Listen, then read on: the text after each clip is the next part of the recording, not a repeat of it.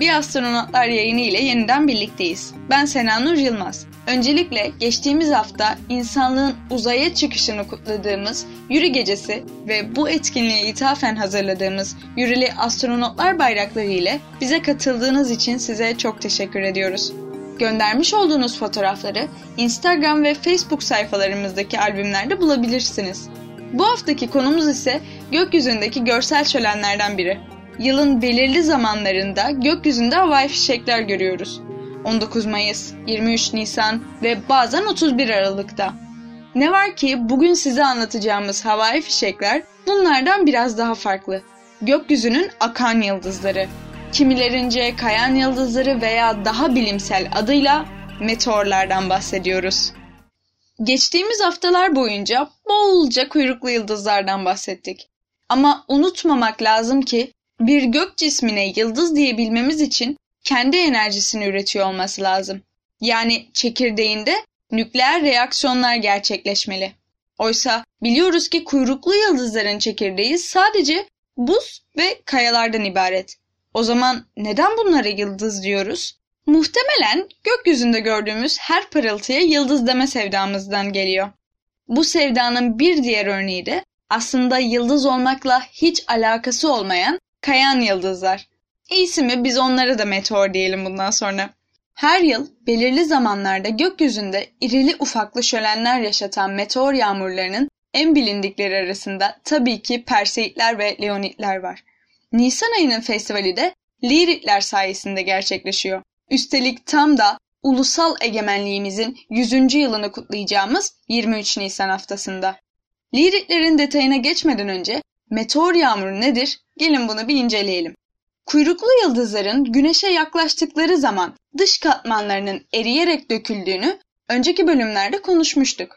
Kuyruklu yıldız yörüngesinde ilerleyip gittikten sonra ardında bıraktığı bir tür uzay çöpü de diyebileceğimiz bu döküntüler dünya yörüngesiyle kesiştiğinde belirli bir zaman süresince bolca meteor gözlemleme şansımız oluyor. Dünya atmosferine giren bu parçacıklar atmosfer ile sürtünme sonucu yandığında oluşan ışık olayına meteor veya akan yıldız diyoruz. Bu meteorların rengi, parlaklığı, uzunluğu, hızı ve ardında iz bırakıp bırakmadığı gibi birçok parametre sayesinde de meteor yağmuruna sebep olan kuyruklu yıldızın yapısı ve yörüngesi hakkında çeşitli bilgilere erişebiliyoruz. Bir meteor yağmuruna ait meteorlar gökyüzünde sanki tek bir noktadan saçılıyormuş gibi görünürler. Bunu avucumuzdan dışarı doğru açılan parmaklarımıza benzetebiliriz. Meteor yağmuruna ait meteorların gökyüzündeki izleri geriye doğru takip edildiğinde hepsi sanki tek bir noktadan çıkıyormuş gibi görünür. Meteorların saçıldığı bu nokta gökyüzünde hangi takım yıldızına denk gelirse meteor yağmuru da o takım yıldızının adıyla anılır. Bu durumda Perseidlerin Perseus, Geminitlerin Gemini, Leonitlerin Leo'dan saçılıyormuş gibi göründüğünü anlıyoruz. Liritler de Lyra, bir diğer adıyla Lir yani çalgı takım yıldızından saçılıyormuş gibi göründükleri için bu isimle anılırlar. Meteorların saçılma noktasına radyan noktası da denir. İşler iyice karışmadan gelin şu terimleri bir gözden geçirelim. Kuyruklu yıldız artığı olan uzayda başıboş dolaşan parçacıklara meteorit adı veriliyor. Meteoritler atmosfere girip yanarken gördüğümüz ışık olayına meteor diyoruz. Eğer ki meteoritler bu yanma sonrasında yer yüzeyine erişebilecek kadar yoğun veya büyüklerse bunlara da meteoroid adı veriyoruz. Meteoritlerin boyları ufak bir kum tanesinden iri bir üzüm tanesine kadar değişebiliyor. Kimi taş yapısındaki meteoritler silisyum ve oksijence zengin mineraller içerirken metal yapıdaki meteoritlerde çoğunlukla hem demir hem de nikel bulunmakta. Bir de bu her iki türün birleşimi olan demirli kayaçlı meteoritler mevcut. Bilim insanları meteoritler vesilesiyle her gün dünyaya ortalama 1000 ila 10 bin ton arası madde düştüğünü öngörmekte. Tabi bunların büyük kısmı ufak toz tanecikleri halinde oldukları için hiçbiri ciddi bir tehdit oluşturmuyor. Ancak nadiren irice bir meteoritin bir arabaya, ev veya tarlaya düştüğü de oluyor tabi. Özellikle dünyamız kuyruklu yıldızın güneş etrafında yakın zamandaki bir geçişinden kalma döküntü kuşağında ilk defa geçiyorsa, öylesi zamanlarda daha yoğun bir meteor yağmuru izleyebiliyoruz. Genellikle 16 Nisan-25 Nisan arasında aktif olan liritler bu yıl 21 Nisan'ı 22 Nisan'a bağlayan gece maksimum etkinliğe ulaşacak. Hem kuzey hem de güney yarımküreden gözlenebilen bu meteor yağmurunun pik yaptığı gece yani 21 Nisan gecesi ışık kirliliğinden uzak ve karanlık bir gözlem yerinde saatte yaklaşık 18 tane lirit görmeniz mümkün. Her ne kadar en fazla sayıda meteorun sabaha karşı gözlemlenmesi beklense de gece 11'den itibaren gözünüzü gökyüzüne çevirmenizi öneriyoruz. Çok sayıda meteor görmek isteyenlerin saçılma noktasına yani çalgı takım yıldızı civarına bakmasını öneriyoruz. Ne var ki uzun meteorlar görmek istiyorsanız başınızı saçılma noktasından uzağa, ufka doğru bir yere çevirmenizde fayda var. Liritlerin parlaklığı genellikle büyük ayı takım yıldızındaki yıldızların parlaklıkları civarında olsa da kimilerinin Venüs kadar parlak olması da mümkün. Bugünlerde Venüs batı ufkunda akşam yıldızı olarak da anılacak şekilde. Güneş battıktan hemen sonra ve oldukça parlak. Uluslararası Meteor Organizasyonu IMO'ya göre liritler her ne kadar arkalarında iz bırakan meteorlar olmasalar da ateş topu adı verilen gökyüzünde büyük bir parlaklığa neden olan ve arkasında birkaç saniye gözlemlenebilecek izler bırakmasıyla ünlü. Bakalım bu yılda bizi böyle sürprizler bekliyor mu? Hep birlikte göreceğiz. Liritlerin oluşmasına neden olan kuyruklu yıldız her 415 yılda bir güneş yakınından geçen Thatcher kuyruklu yıldızı. Yörüngü dönemi bu kadar uzun olan bu yıldızın güneşe son yakın geçişi 1861 yılında gerçekleşmiş olduğu için ne yazık ki herhangi bir görüntüsü yok. Bir sonraki ziyaretinin ise 2276 yılı civarında olması bekleniyor. İlk olarak günümüzden yaklaşık 2700 yıl önce gözlemlendiği tahmin edilen liritler bilinen en eski meteor yağmurlarından. Liritlerin saniyede ortalama 50 kilometre hızla atmosfere girdikleri biliniyor. Bu nedenle orta hızlı meteor yağmurlarından biri olarak kabul ediliyor. Şimdiye kadar en yoğun görüldükleri 1982 yılında ise saatte 100 adet civarında meteor gözlemlenmiş. Bir meteor yağmuru gözlemlemenin en keyifli yanlarından biri gözleriniz dışında herhangi bir gözlem aletine ihtiyaç duymamanız. Dört arkadaş teras, balkon veya çatıya çıkıp sırt sırta vererek gökyüzünü dörde bölüp her yönden akan meteorları gözlemleyebilirsiniz. Meteor yağmurlarını gözlemlemenin bir diğer keyifli yolu da astrofotoğraflar.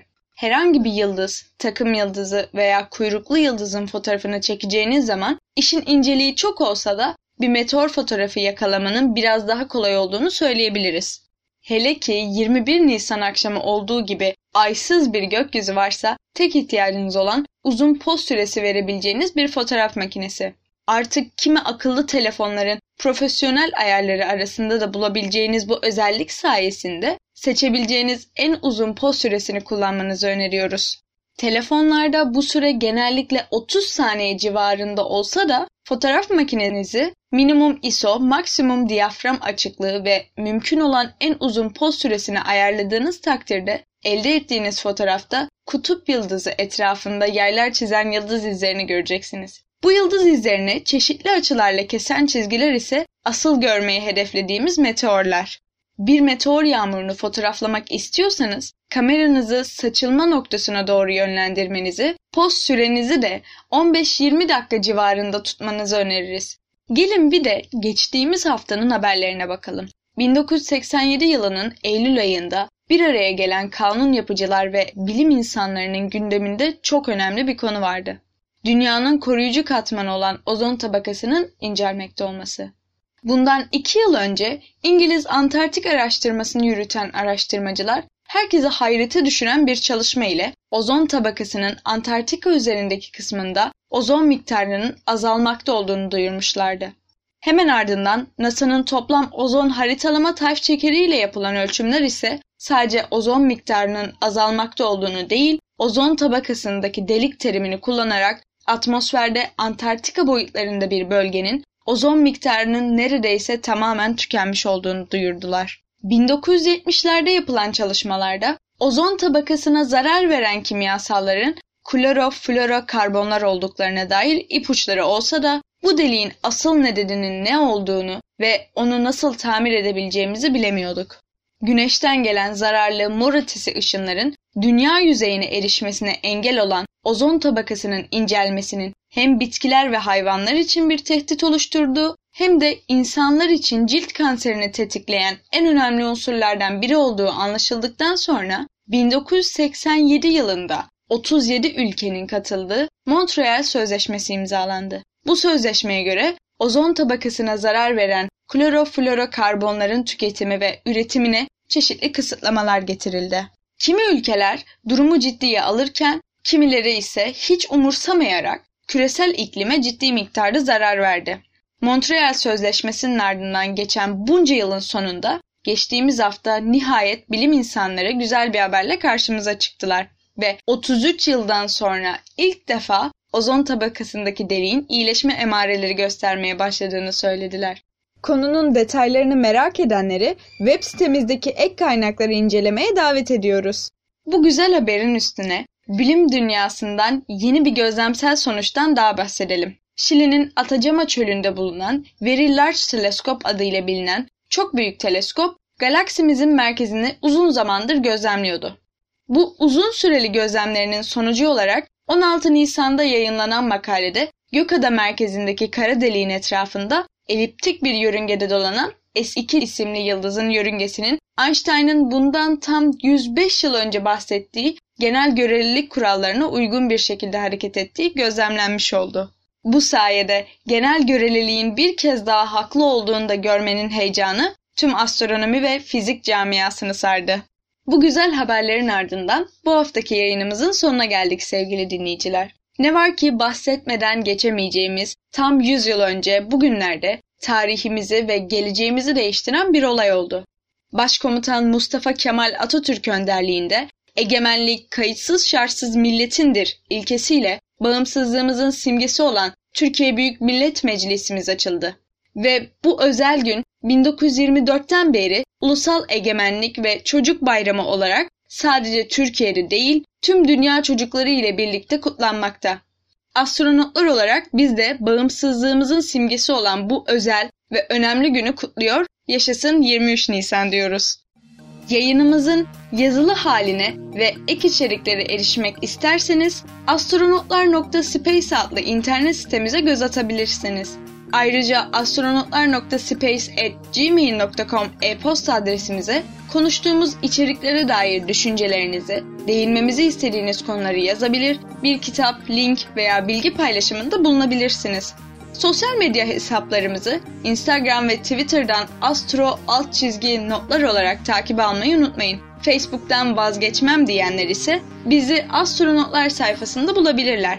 Gelecek hafta görüşünceye dek gökyüzüne iyi bakın. Hoşçakalın.